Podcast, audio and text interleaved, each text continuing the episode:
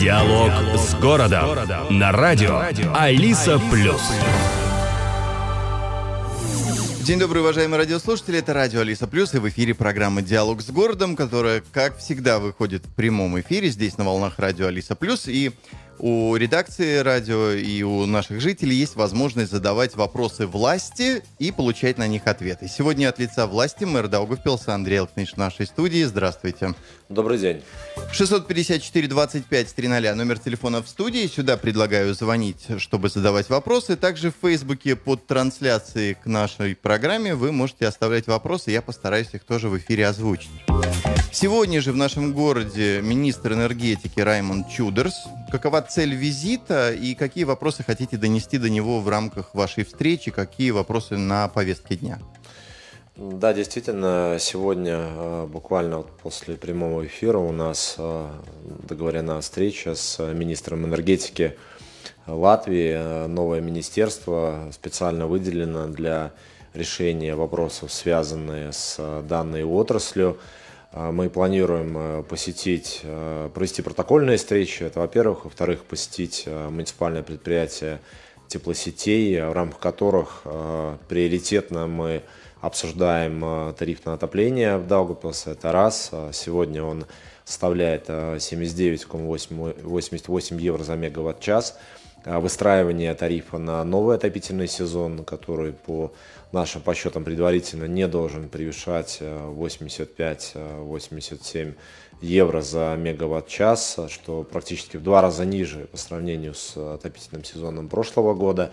Это, конечно же, энергетическая независимость города, э, энергетическая независимость как от участников. Э, проделана уникальная работа, их количество сократилось с 50%, то есть с половиной практически Э, которые работали по схемам КОЗа до где-то 10%. Э, это раз. И энергетическая независимость с точки зрения э, возможности использования разного рода энергоресурсов, только не только природный газ, цены на которых, который гуляет, как ему вздумается, но и переход, конечно же, на альтернативные. То есть, как рассказывал неоднократно, и пропан-бутан, и безакцизное дизельное топливо и э, щепа, работающая на третьей станции. Конечно же, это э, посещение третьей станции, которая введена в эксплуатацию, которая помогла существенно понизить тариф. Это проект строительства новой станции на щепе на территории ТЭЦ-2. Нас, конечно же, в этой ситуации больше волнует новый период планирования – в рамках которого э, мы хотим заявить программы по реконструкции малых котельных. Э, нас беспокоит крепость, надо дешевле сделать там. То есть старые стропы, допустим, возможно, те же самые ругели и, конечно же, теплотрассы. Да, то есть по всем данным направлениям у нас есть свои идеи, свои инициативы для того, чтобы все-таки сбалансировать, чтобы тариф никогда Э, таким критическим, как ранее он был, а больше не был бы. И второй вопрос, это, конечно же, э, наличие медианы, то есть э, до сегодняшнего дня а, в силе была до 1 мая медиана на уровне 68 евро за мегаватт-час. Нам важно, чтобы данная медиана в отношении жителей была бы сохранена и в следующем отопительном сезоне для того, чтобы жители могли бы в своих счетах видеть в том числе и часть компенсации. Это очень важно. 654-25-300, номер телефона в студии. Мэр Даугавпилса Андрей Алксанович, гость нашей программы сегодня. Э, послушаем следующий вопрос. Наушники будет слышен. Добрый день, здравствуйте. Чуть тише радио и, пожалуйста, ваш вопрос. Скажите, пожалуйста, э, я лежал в больнице, значит, да, с меня взяли 25, 24 евро, да? Я пенсионер. Это правильно или нет? Или есть какие-то льготы для пенсионеров несколько дней или сколько? Я так и не понял. Сколько дней вы были в больнице? Один день. Один день. Ну, вы пришлите, пожалуйста, данные э, свои, э, потому что нельзя э, понять, за какие именно манипуляции были деньги, но муниципалитет своей стороны нахождение в больнице э, финансирует э, с точки зрения именно для пенсионеров по оплаченным дням. Своего рода льготы предусмотрены, но здесь нужно понять именно за что больница выставила счет. Просто после передачи, может быть, позвоните, оставьте данные и тогда проверит. Правильно или неправильно, больница частная Э, государственная структура, учитывая недостаток финансирования, конечно же, э, все пытаются там зажать пояса. Э, сегодня готовится новый стрейк, так называемый, в отношении правительства по данному аспекту. Ну, надеюсь, что финансирование будет больше. Центру Ротко исполнилось 10 лет. Сегодня кульминационный день праздника. Открывается экспозиция новых оригиналов работ Ротко. В Даугавпилс приехала семья Марка Ротко. Были ли у вас э, уже возможность встретиться? Была ли такая возможность? Э, да, э, в Даугавпилс, ну, во-первых, Центр Ротко празднует 10 лет со дня открытия в 2013 году. При, пополнилась коллекция шестью новыми работами, оригиналами, Э, стоимость данных работ э, без привлечения, можно сказать, э, несколько бюджетов города. Это уникальная коллекция с точки, и уникальное событие с точки зрения культурной жизни не только Даугапилс, но и всей так называемой Прибалтики. Это, это раз.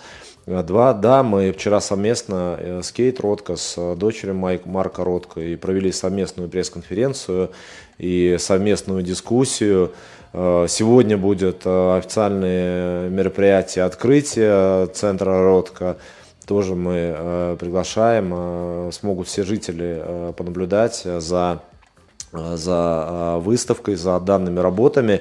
Но из, самое важное, что, в принципе, наверное, запомнилось после совместной пресс-конференции и, и, и обсуждая разного рода вопросы разного характера, это Э, то, э, тот ответ, который Кейт, Кейт сказала журналистам о том, что э, сила Даугупилса в, в истории нашего города, в нахождении на перекрестках множества дорог по ходу данной истории и сила в нашем многообразии.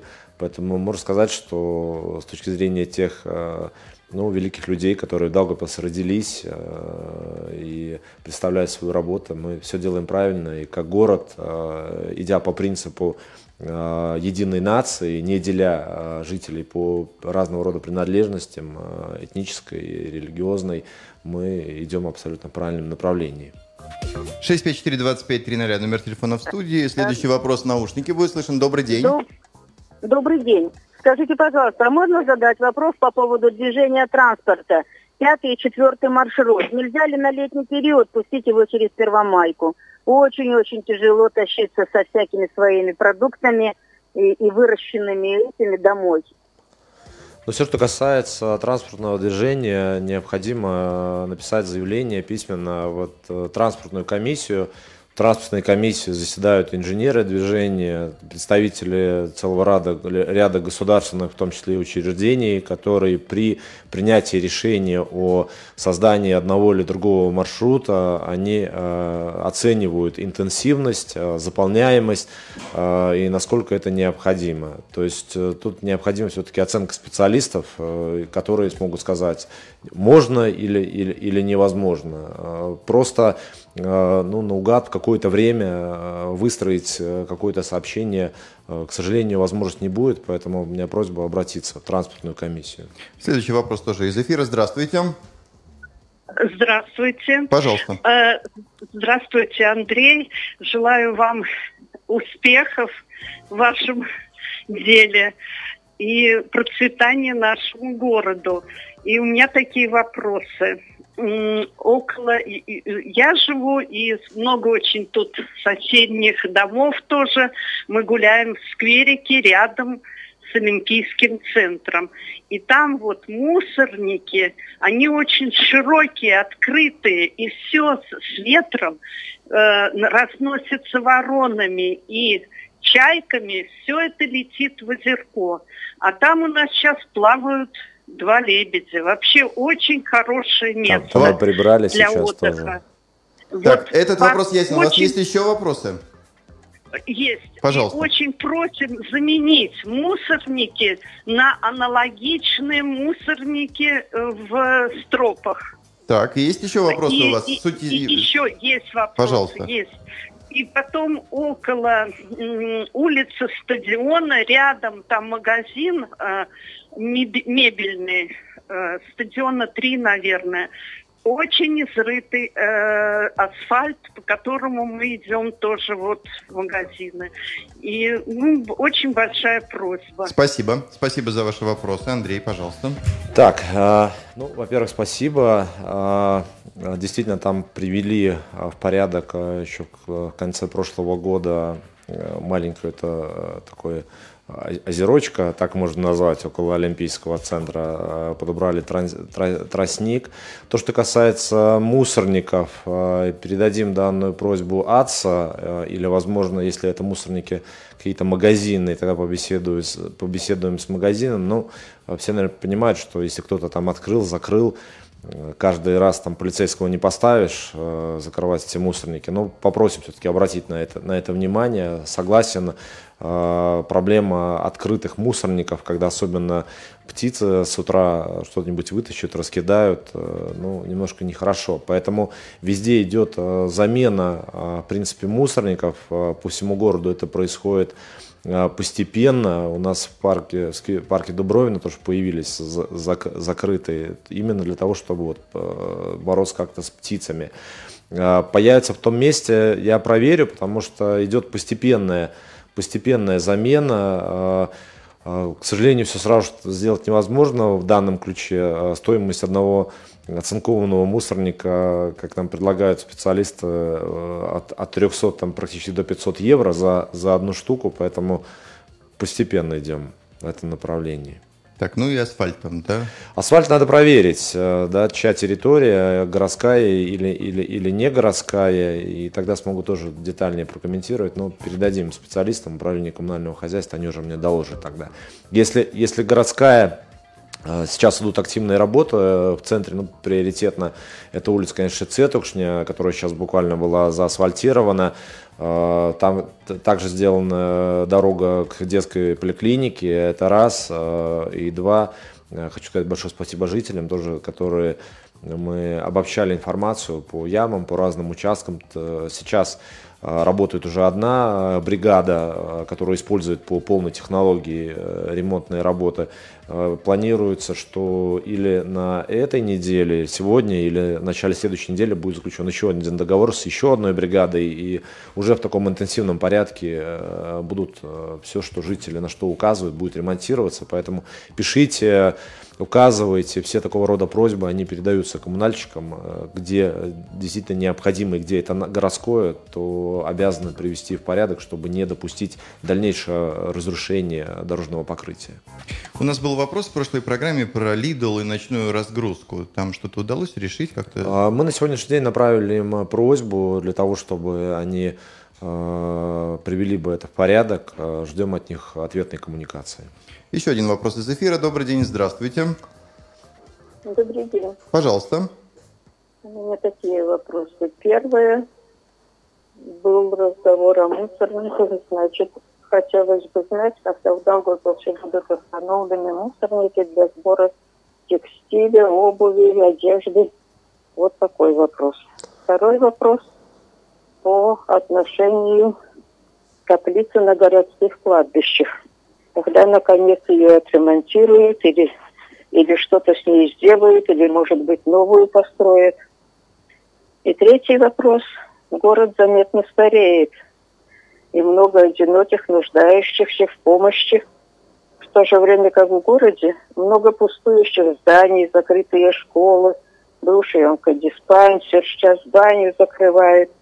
Надо не ждать, пока эти здания придут негодность, их разворуют, растащат, а постараться приспособить их под нужды каких-то пансионатов, чего-то для пожилых людей.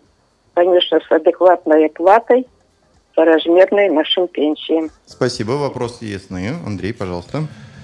А, мусорники для текстиля, каплица. Так, а, ну, а, мусорники город. для текстиля, а, они не предусмотрены. У нас единственное, что можно сделать по закону, и то, э, скажем так, э, скажу на тоненького, это программа по вывозу зеленой массы, которая на сегодняшний момент оставлена на силе, работает и которая идет по микрорайонам. Отдельной формы мусорника или какой-то акции для такого рода деятельности не предусмотрено и по закону невозможно. Это бытовой мусор, который в принципе платит тот, кто мусорит. Э, это, это первый момент. Э, второй вопрос э, относительно зданий стареющего абсолютно согласен, но все данные здания делятся на две категории. Те, которые принадлежат самоуправлению, и те, которые принадлежат частникам. В отношении частников идет работа о приведении в порядок, начиная от штрафов со стороны строительного управления, и, и территории приводятся в порядок, э, хотя бы э, посмотрим магазин ТОП на новом строении или, допустим, демонтированное здание, которое также в Даугупилсе, что, что также начало происходить. Сегодня одно из таких демонтируемых – это стация, которая готовится.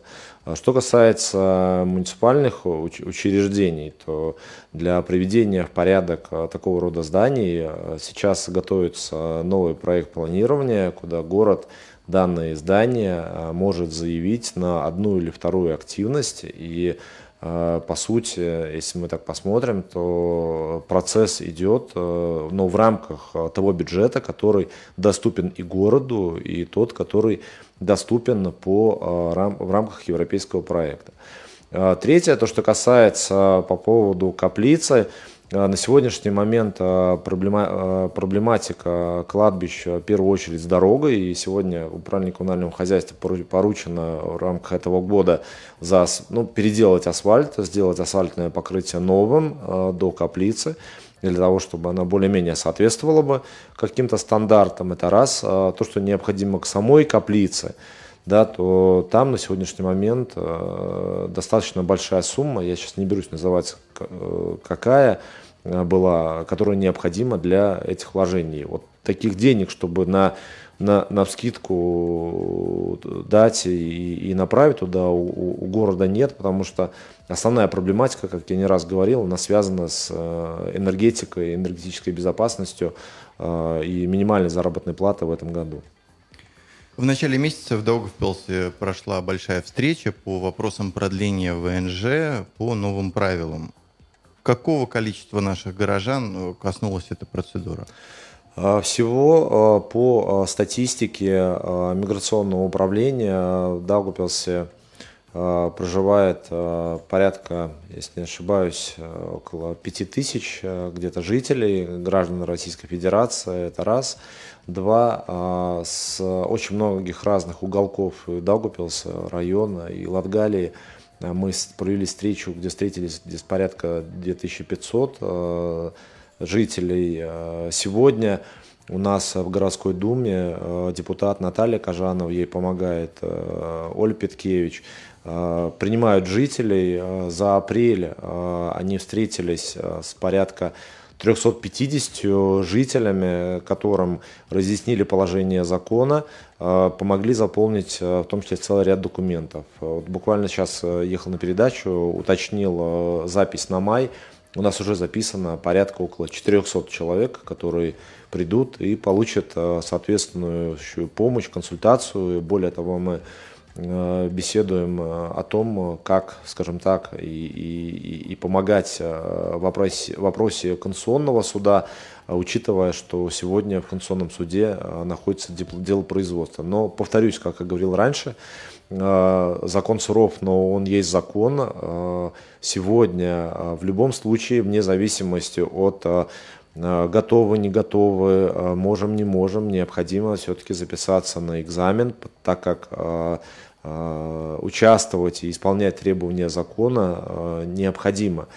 Третьего здесь в этой ситуации не дано, так как решение Конституционного суда, скорее всего, будет только в конце этого года. Э, тогда, когда уже, в принципе, требования закона будет необходимо выполнить. Еще один вопрос будет из эфира. День добрый, здравствуйте.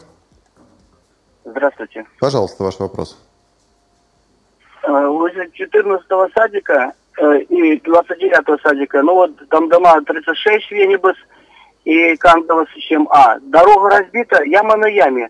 Уже года два. Но это внутренний, внутренний двор. Внутренний двор, да. Внутренний двор необходимо собирать жителям. Общее собрание дома и э, ремонтировать э, за счет э, средств накоплений дома и за счет э, той программы, которая работает в Думе. Если дом не принимает решение о ремонте э, внутридворовой территории, то никто, к сожалению, ее не отремонтирует. И так будет не только год-два, но так можно и 10, и 20 лет в таком состоянии находиться. Поэтому просьба найти старшего по дому, э, написать заявку к обслуживающей организации, будь то по ЖКХ или жители сами обхозяйствуют, или какая-то частная фирма этим занимается, и провести общее собрание. Те дома, которые э, такого рода заявки подают, те ремонтируют. И сегодня очень активно, допустим, приведена порядок, ну, предположим, из последних Целковского, допустим, 6, сейчас стоит Целковского 8, готовится, допустим, те же самые Целковская 10, и только жители соседних домов видят, что где-то у соседа происходит, процесс пошел, все автоматически в цепочку выстраиваются, и это дело движется вперед. Ну, раз заговорили про дороги, в Даугавпилсе начался активный сезон реализации проектов развития транспортной инфраструктуры – об основных работах по строительству и реконструкции дорог давайте поговорим. Что у нас на этот сезон? Ну, приоритетно идет восстановление дорожной части э, Ятнику, э, Ятнику Смилшу. Одновременно меняются все абсолютно коммуникации и трамвайное покрытие. Там будет приведен порядок целый перекресток напротив ДКХ, выстроены дополнительные стоянки. Это раз. Только возобновится движение в полном объеме по Ятнику Смилшу, будет приведена порядок э, всецело улица Ятнику, так как перенеся движение от Смилшу на Ятнику, Ятника поразбивалась. Буквально э, на этой неделе шли работы по перекрестку, допустим, тому же Ятнику Шаура, э, которая тоже разбилась, исходя из интенсивности. А, параллельно идут работы по улице Вайнюдес, то есть соединение химии, закольцовка первого-третьего маршрута а, для того, чтобы а, упростить людям возможность добраться, в том числе до центральной городской больницы, это раз, и, конечно же, далее развитие все цело Стропской части за счет экологичного вида транспорта. А, далее готовится на сегодняшний момент а, начать строительные работы. Мы ждем итоги закупочной процедуры по второму маршруту. То есть а, одновременно с трамвайным покрытием, повторюсь, меняются и коммуникации, и э, ремонтируются дороги в этой части, и выстраиваются новые остановки для жителей, то есть все для того, чтобы было бы достаточно комфортно. Более того, на всех данных э, подрядах э, работают наши жители, и тогда, когда я приезжаю в город и вижу стройку, я вижу, что что-то, соответственно, происходит. Готовится проектная документация, завершается уже на реконструкцию моста единства. А, реконструкция, возможно, будет проведена в следующем году, а, не раньше, так как необходимо будет пройти закупочные процедуры и побороться за финансирование. Завершается, мы готовим подачу проекта по а, продлению путепровода, то есть с Милшу соединение с улицей Кандовас, ну и, соответственно, ремонта дорог по плану, который Управление коммунального хозяйства опубликовало в приоритетном порядке. А что в стропах планируется? А в стропах а, на сегодняшний момент ничего глобального не планируется, так как практически завершен проект по продлению Стропской прогулочной дорожки вдоль, вдоль ЦГБ, которая соединила стропы с ПМК и обществом слепых. Это раз. Два, ну, в следующем году там появится детская площадка еще одна, а, параллельно стоянке. Но я бы, наверное, уже все-таки а, по, по завершению данных проектов а, мы от строп уже от, отходим. И, ну, помимо чистки озера, которая также запланирована, мы переходим в Ругели. Вот, и сейчас буквально вот я на днях подписал документы о заявке на получение европейского софинансирования на благоустройство Ругельского котлована.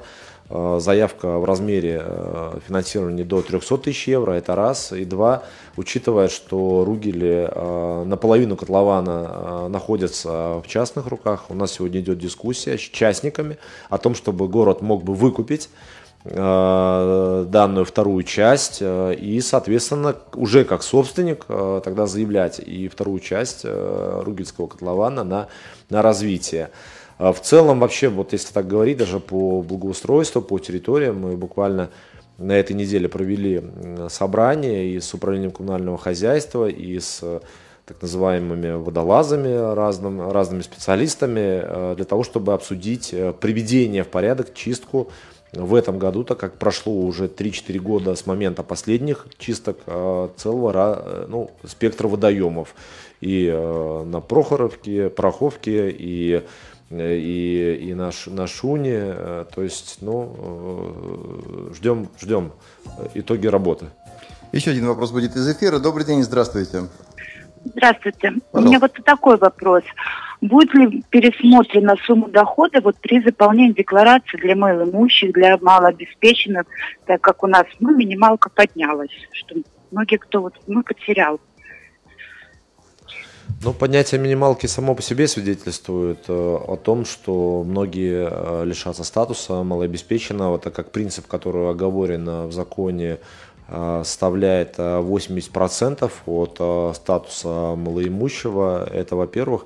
На сегодняшний момент специалисты социальной службы готовят свое заключение и насколько я знаю, вынесут данный вопрос в том числе и на публичное обсуждение, так как ограничения, которые установлены законодательством в данном ключе при повышении минимальной заработной платы порядка на 120 евро, однозначно э, многие останутся без э, такого рода социального пособия. Какие новые проекты запланированы на следующий период планирования освоения еврофондов? Э, сложно в одном предложении так ответить и, и, и заняться их перечислением, так как сегодня все министерства лишь выстраиваются по приоритетным направлениям. Как говорил, вот в энергетике нам важно перейти от больших станций к маленьким и к теплотрассам. Министерство сообщения сегодня готовит новый проект по мостам, путепроводам, то есть это вопрос реконструкции моста единства, продления до Кандовас, это вопрос нового моста через Долгаву, который тоже мы планируем заявить. Сегодня вот буквально мы подаем, и вчера на заседании Думы мы э, приняли решение о а, заявке на новый проект по индустриальному парку на территории аэропорта. То есть дискуссия с аэропортом, она все-таки переходит, в моем понимании, на второй план. Нам необходимо на данной территории приоритетно развивать индустриальный парк. Сегодня есть возможность заявиться на порядка 20, 25 миллионов на строительство новых производственных зданий. У нас есть предприниматели, которые в этом заинтересованы. И, соответственно, мы сможем развивать еще одну промышленную индустриальную зону, куда целый ряд предпринимателей готовы прийти и создавать новые рабочие места. Следующий вопрос будет из... Ага, не получилось. 654-25-00, номер телефона прямого эфира. Мэр Даугавпилса Андрей Элкниш, сегодня гость программы «Диалог с городом». Здравствуйте, ваш вопрос, пожалуйста. А, здравствуйте, я бы хотела бы узнать по поводу променада возле э, теплосетей. Там вот две дорожки затоплены до сих пор. За чей счет сделали променад и за чей счет будут ремонтировать? И как будто руководство не знало, что бывают наводнения, вот эти вот... Э, Вы про брусчатку или про дорожку, которая внизу? Которая внизу. Две дорожки внизу. Угу. Все финансирование шло за счет э, европейского софинансирования, это раз. Э, два, именно зная о том, что... То есть, ну, потрачено европейское финансирование. Э, в данной, в данном вопросе э, шла основная аргументация о том, что ударенному коню в зубы не смотрят. И исходя из того, что абсолютно вы правы, была информация о том, что будет затопляемость, поэтому э, там этот бетон и эти дорожки ну, прикреплены настолько сильно, что никуда они не денутся. э, Долгава отступит, э, также будут они приведены в порядок. Очень многие жители, и, кто и с собаками гуляют, и, и, и рыбаки используют их достаточно активно. Это первая часть. Вторая часть за счет наводнения и за счет, скажем так, определенного, ну, технологических э, шагов э, догупилских теплосетей э, обрушилась часть брусчатки на входе по улице Бругию. Теплосети сейчас поднимают всю эту внутрянку, смотрят и придут порядок. В случае, если это будет гарантийный вопрос или вопрос ответственности проектировщиков или, или строителей, тогда это будет компенсировано за их счет. В начале мая состоится большое событие, открытие инженерного арсенала. Э, расскажите подробнее о этом э, мероприятии, о этом объекте и какие еще мероприятия в ближайшее время в городе ожидаются? Ну, э, в первую очередь необходимо отметить, что крепость с открытием инженерного арсенала станет достаточно таким большим многофункциональным объектом, начиная от реконструированных валов, от новой детской площадки, которая там появилась, от центра Ротка, дома Мартинсона, самого Тыца, но и до принципе, достаточно большого, серьезного объекта под названием «Инженерный арсенал». Он откроется на следующей неделе. Пожалуйста, все приходите. Вход абсолютно всем будет свободным. Что можно увидеть в инженерном арсенале? Ну, в первую очередь, уникальность самого здания когда здание было э, э, реконструировано, сохранив его исторический вид, исторические надписи, э, внутри здания исторические, скажем так, и кирпичики, и лестницы, и стенки и так далее, так далее. Принцип содержания инженерного арсенала выстроен по принципу Рижского моторного музея, где смогут жители ознакомиться с целыми эпохами в нашем городе по там, развитию и, и транспорта, да, и, допустим, там и велосипеды, и мотоциклы, и какая-то производственная часть. Вот, то есть э, будет действительно круто и, и, и будут действительно большие целые мероприятия, открытия. А сегодня, конечно же, это мероприятие Центр Ротко, но, э, так сказать, э, бриллиант на, на, на, на любителя, но тоже всех приглашаю посетить. Вот, э, в конце, в конце мая, по-моему, 27 мая у нас э, на площади, за неделю до праздника э, города, на центральной площади будет молодежное мероприятие GTA Games, которое уже не первый год мы проводим. Молодежь, приходите, тоже должно быть все круто. Ну и, конечно же, мы готовимся к празднованию Дня города 3 июня. А, сегодня а, заказана и большая сцена, и сейчас подписываются договора с исполнителями. Я не могу назвать а, пока что конкретные фамилии, пока это ограничивают условия договора, но обязательно мы о них расскажем. Будет и салют в том числе, то есть достаточно большие ярмарки, хорошее мероприятие. Открытие арсенала какого числа? Открытие инженерного арсенала, если не ошибаюсь, 5 мая. 5 мая. И, и вход бесплатный только 5 мая. Вход да? бесплатный только 5 мая. На следующий день вход бесплатный для тех, которые возьмут в доме э, какую-нибудь, ну, такую историческую утварь, которую передадут бесплатно как подарок инженерному арсеналу, потому что они собирают разные штучки. Вот. И тогда с этой какой-то исторической штукой тоже будет бесплатно. Еще один вопрос будет из эфира. Добрый день, здравствуйте. Здравствуйте. У меня два вопроса. Первый вопрос. Э, с нового Форштата автобус 20Б, первый рейс, постоянно опаздывает. Звонили постоянно. 17-й должен идти позже, 17-й всегда идет раньше, 20 Б идет всегда с опозданием. На работу еле-еле говоришь. Может, можно какие-то меры принять? Примем. А второй вопрос? А второй вопрос. Когда наведете порядок в ЦГБ? Просто в приемном хамское отношение, хамское отношение. Вообще просто, просто как будто звонишь не в больницу, а неизвестно куда. Спасибо.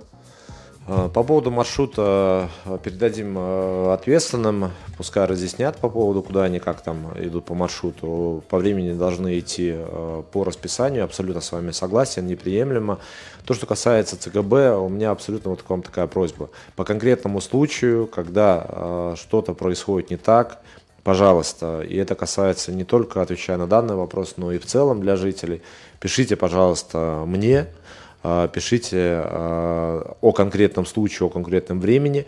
А, первое, есть служба внутреннего контроля в самой э, ЦГБ, э, и руководители больницы рассматривают такие случаи. Это первое. И второе, никто не отменял инспекцию здравоохранения.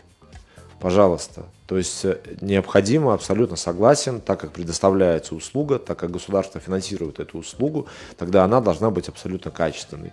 Для того, чтобы ну, это регулировать, проверять, насколько это обосновано, не обосновано, необходимо все-таки конкретные случаи рассматривать э, при конкретной ситуации и давать на них свое заключение. И тогда можно будет понять, потому что есть, ну, скажем так, э, то, что соответствует э, действительности, есть, допустим, какие-то внутренние у них порой, порой проблемы, и тогда, соответственно, руководитель больницы обязан это провести. Еще будет один Алло. телефонный звонок. Здравствуйте. Пожалуйста. Добрый день. У меня к, э, к мэру два вопроса. А, один по поводу парка на Проховке. Там очень все хорошо, скамеечки, там и для шашлыков все сделано, все. Но э, чуть поднимаешься на горку, везде скамеечки есть. Дальше ни на одной дорожке нету ни одной скамеечки. А сейчас такой период летний наступил, что почти все эти скамеечки заняты. Вопрос ясен. Давайте второй. У нас очень мало эфирного времени. Второй да, вопрос. а второй вопрос такой по соцпомощи. Почему это э, Силтум Тыкли выставляет счета раньше, чем оказана помощь малоимущим или обеспеченным, э, ну, по доплате? И не знаешь, будет тебе доплата или нет. Ну, наверное, по соцпомощи сразу же отвечу. Если есть статус а, малообеспеченного, исходя из связующих правил о поддержке, то ну, тут будет она, да, если есть статус, она всегда будет, и она а, всегда высчитывается автоматически, то есть здесь абсолютно переживать не надо. Я, конечно, уточню, а, в чем может быть какое-то недопонимание там на месте, это раз. То, что касается пороховки, ну, Скажем так, а, по мнению специалистов, а, количество скамеек там имеет а, достаточное да, количество. Были случаи, буквально недавно мы сталкивались с такими ситуациями, что жители одни просят поставьте, другие просят немножко скажем так, уберите или там деревья немножко, кусты поредите, потому что порой в определенное время суток они, скажем так, используются недобросовестно. Не обещаю, может быть, что после вашего звонка там скамейка новая появится, но однозначно специалистам э, данный вопрос задам и э, послушаю их комментарии о необходимости еще дополнительных мест. Ну и в завершении давайте поговорим о спорте. В последние недели долгопилские спортсмены очень радуют нас чередой спортивных побед баскетбол, волейбол, спидвей. Вы за всех болели, за всех держали кулаки. Чего-то хотели бы им пожелать? А, ну, а, во-первых, а, во-первых, пытаемся, конечно же, поддержать всех спортсменов, а, всех талантливых ребят, девчонок, потому что все-таки они играют а, не только для себя, но они представляют город. И тогда, когда наши ребята Э, поднимаются на пьедестал, э, конечно же, перенимая чувство гордости о том, что они э, представляют наш город, а не какой-либо другой. Конечно, стоит отметить заслуги волейбола, мужского волейбола. Впервые за, наверное, 60 лет где-то мы завоевали Э, титул чемпиона Латвии, то есть Кубок Латвии. И для ребят это действительно э, одна из самых высших ступенек здесь. Эти же ребята э, получили третье место Балтийской лиги. Спасибо им, развиваются девчонки в баскетболе, спасибо им.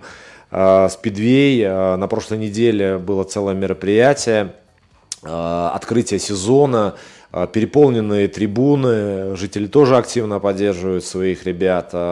Завтра состоится полуфинал чемпионата Европы тоже, пожалуйста, приходите, потому что вот э, э, те игры, и на которых я присутствую, и вот эти особенно финальные игры, наши побеждают э, не только благодаря тому, что они много тренируются, хорошие тренера или, или какие-то другие критерии, а в принципе благодаря э, нашим болельщикам, которые поддерживают именно наших спортсменов. Ну, взять все тот же спидвей, когда от из э, минус 10 пунктов э, все-таки вырвать победу у одной из сильнейших команд, э, ну, наверное, сильнейшей, которая скатилась вниз с высшей лиги команд, ну, действительно было круто. Поэтому спасибо ребятам, спасибо родителям, тренерам. Ну, продолжаем идти вперед улучшаем инфраструктуру, улучшаем администрацию в управлении сферой спорта. И, как мы видим, э, это дает э, определенные свои плоды. На этом все. Время нашего эфира истекло. Мэр Даугавпилса Андрей Элкснич был гостем программы «Диалог с городом» сегодня, который на волнах радио Алиса Плюс провел я, Сергей Каратеев. Спасибо за внимание и до свидания. Услышимся. Спасибо вам большое. Диалог, Диалог с городом. городом. На радио, радио. Алиса Плюс.